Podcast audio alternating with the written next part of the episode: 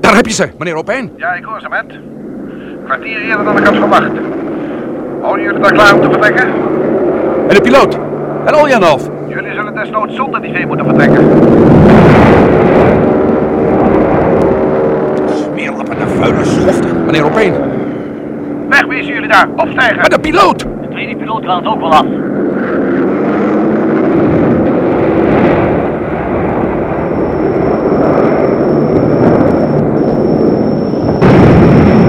Als we hier nog lang blijven staan... Je hebt gelijk, generaal. Meneer Tomassov. Kun jij dat ding bedienen? Natuurlijk kan ik dat melden. Omhoog daar, man. Opstijgen. Nee, nee, daar komt Alexander van aanhollen. Vergeet Alexandrov maar. Contact, Tomassov. Contact. Contact!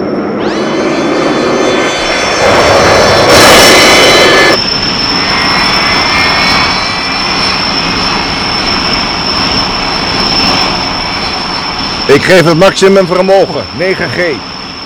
9G. Lieve god. Nou ja, het zal wel moeten.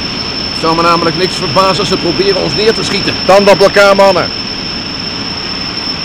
Alles goed, Valentina?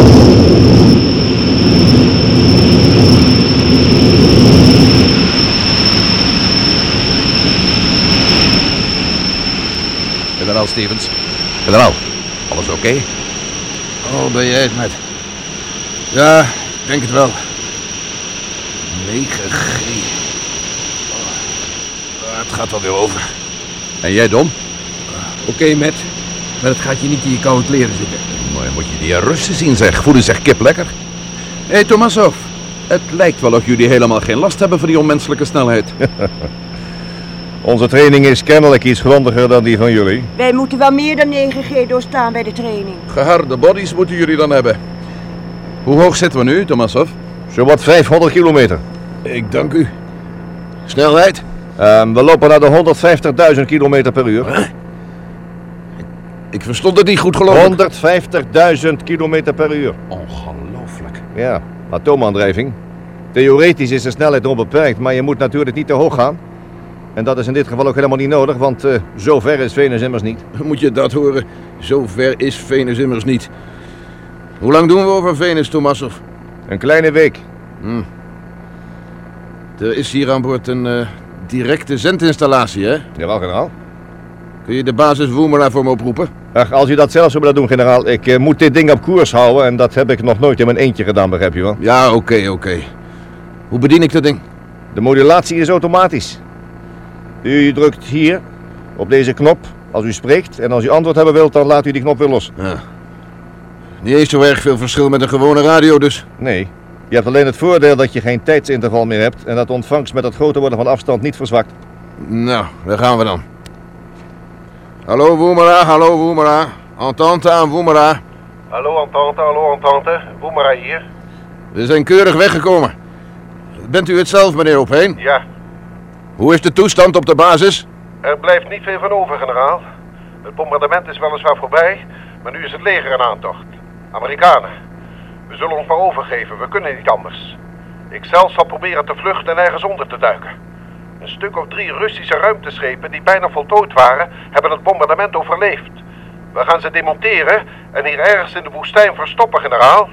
Misschien kan deze informatie je ooit nog eens van nut zijn, je kunt nooit weten. Inderdaad, je kan nooit weten. Dank u, meneer Opheen. Dan hou u met taai daar beneden. Oké, generaal, en dank je eveneens. Wij roepen u over een uur of zo weer op. In orde, Entente. Succes en behouden vaart. Dank u, Boemera. Over en sluiten.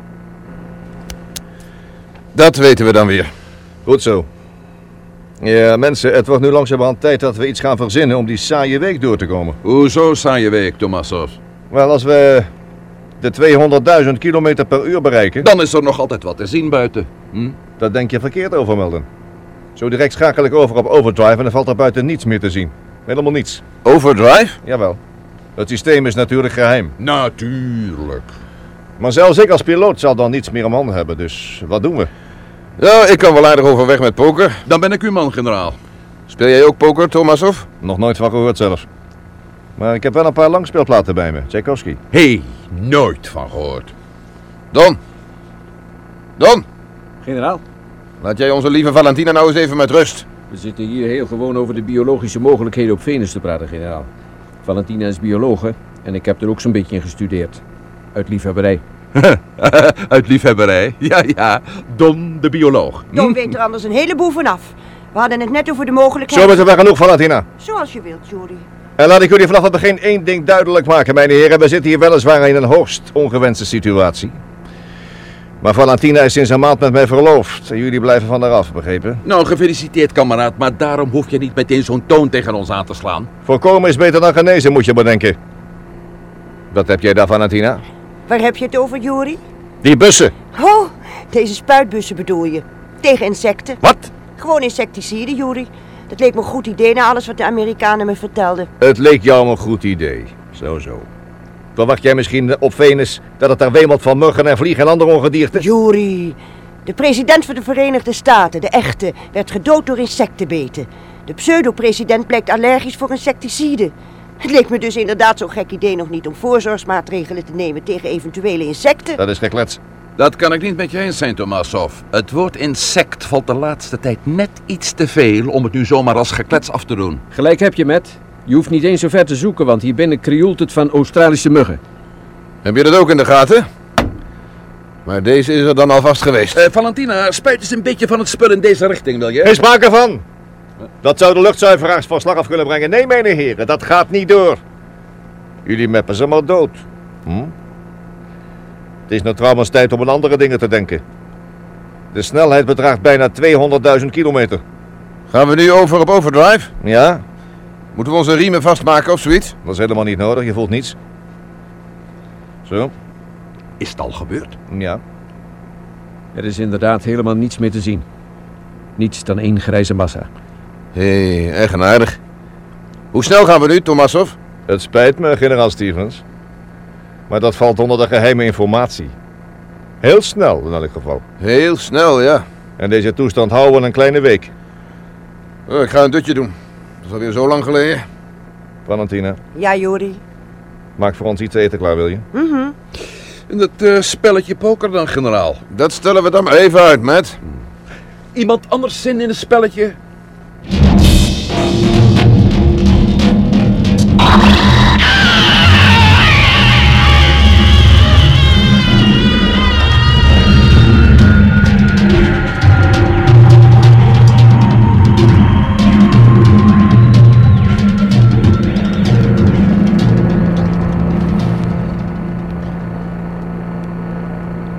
Matt. Matt. Matt. Eh, wat nou weer? Oh, eh, oh, bent u het, generaal? Ik kon niet slapen, Matt. Ik heb zitten nadenken. Hm, Nadenken kan nooit kwaad als u het mij vraagt, generaal. Denk maar lekker. Laat mij alsjeblieft slapen, hoor. Ik heb het eerlijk verdiend. Bespaar me je grappigheden, Matt. Ik heb ernstig nagedacht, zeg ik je. Over de bom. Oh, oh, ik hoor het al. Nou, ik zal er wel even voor gaan zitten. Spuugel maar uit, generaal. Doe het licht aan, Matt. Geef me een sigaret, alsjeblieft. Kameraad Tomassov wil niet hebben dat we roken. Kameraad Tomassov kan het heen en weer krijgen. Alsjeblieft. Dank je.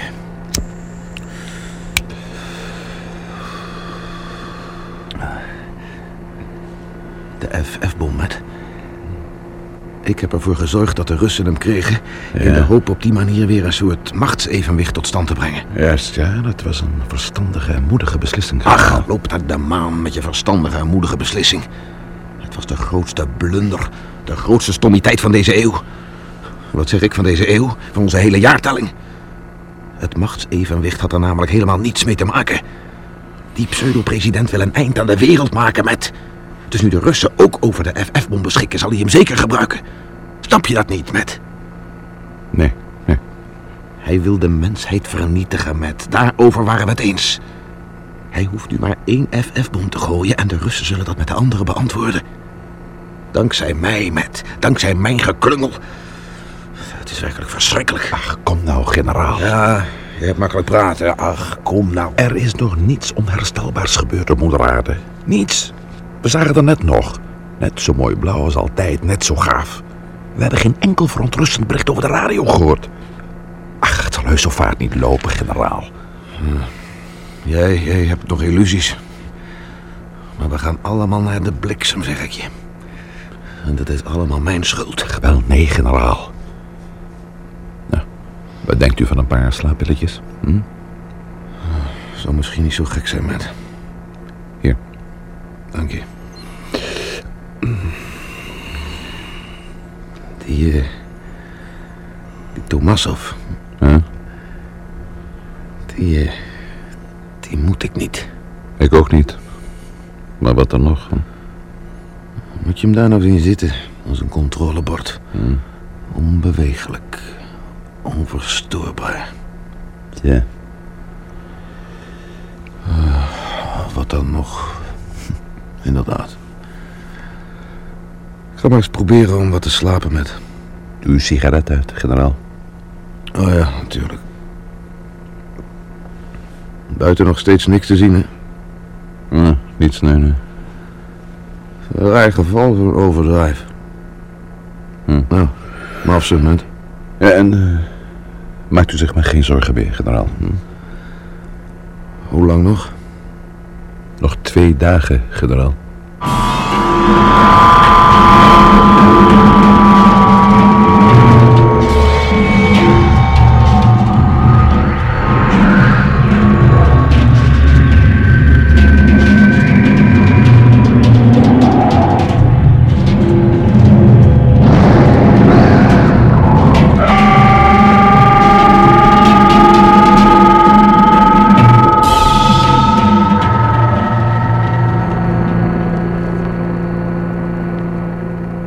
En hier draaien we dan om de planeet Venus, mijn heren.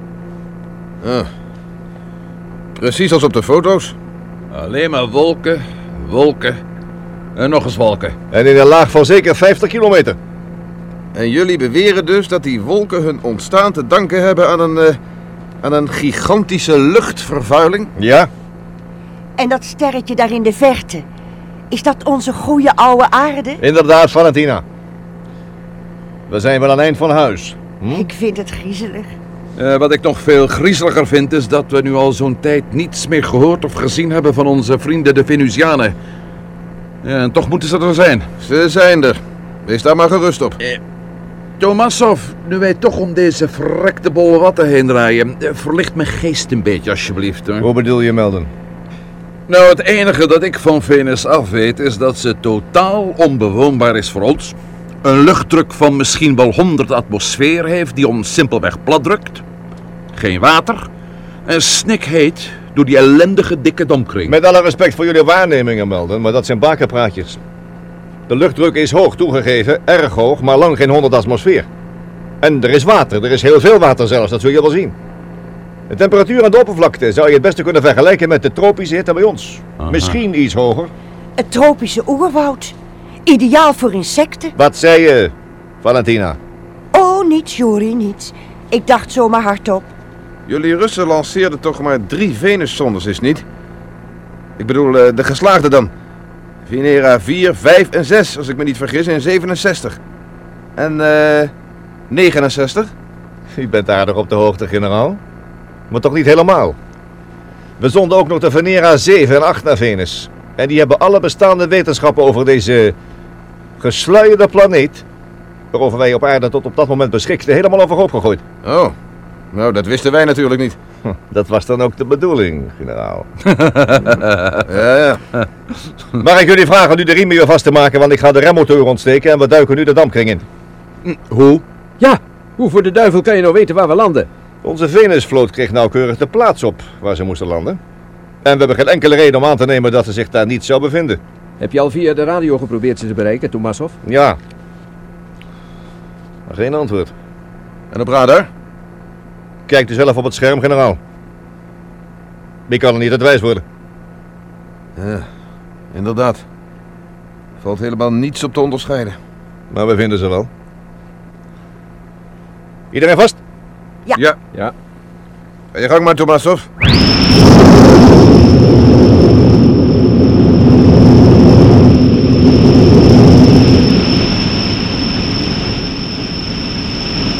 Wat een reis ter Breiberg. Zo'n 50 kilometer dik, zoals ik al zei.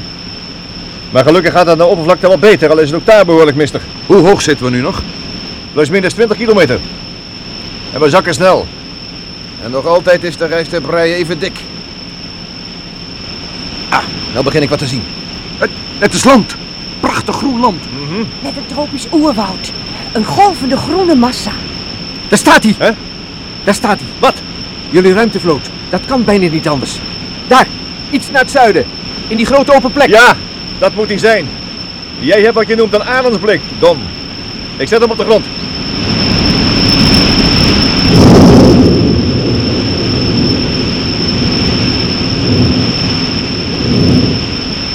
Ja, het is de vloot. Dat is buiten twijfel. En ze staan heel huids aan de grond. Roep ze nog eens op, Tomassov. Dat heeft geen zin, heb ik toch gezegd. Ik heb ze dat vervelens toe opgeroepen. Er is geen levende ziel te bekennen. Niets, nee. En dat verontrust me wel, moet ik zeggen. Dat is dan zachtjes uitgedrukt, generaal. Mij lopen de koude rillingen over de rug. Dat heb ik er dan misschien niet bij gezegd, maar zo is het bij mij ook, Matt. 200 meter.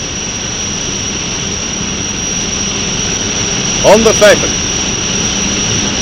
De luiken! Kijk, ze staan overal wagenwijd open. Ja, 100 meter. Nou, ik had me Venus iets liefelijker voorgesteld. Don, hou je mond. 50 meter.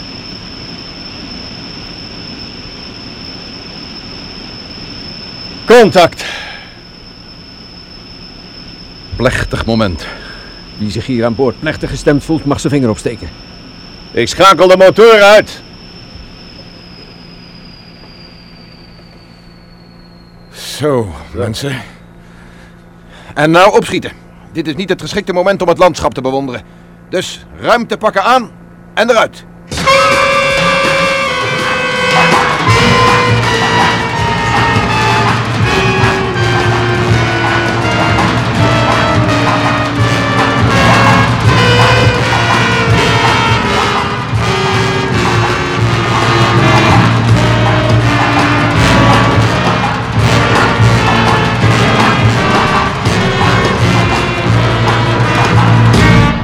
Apollo 21.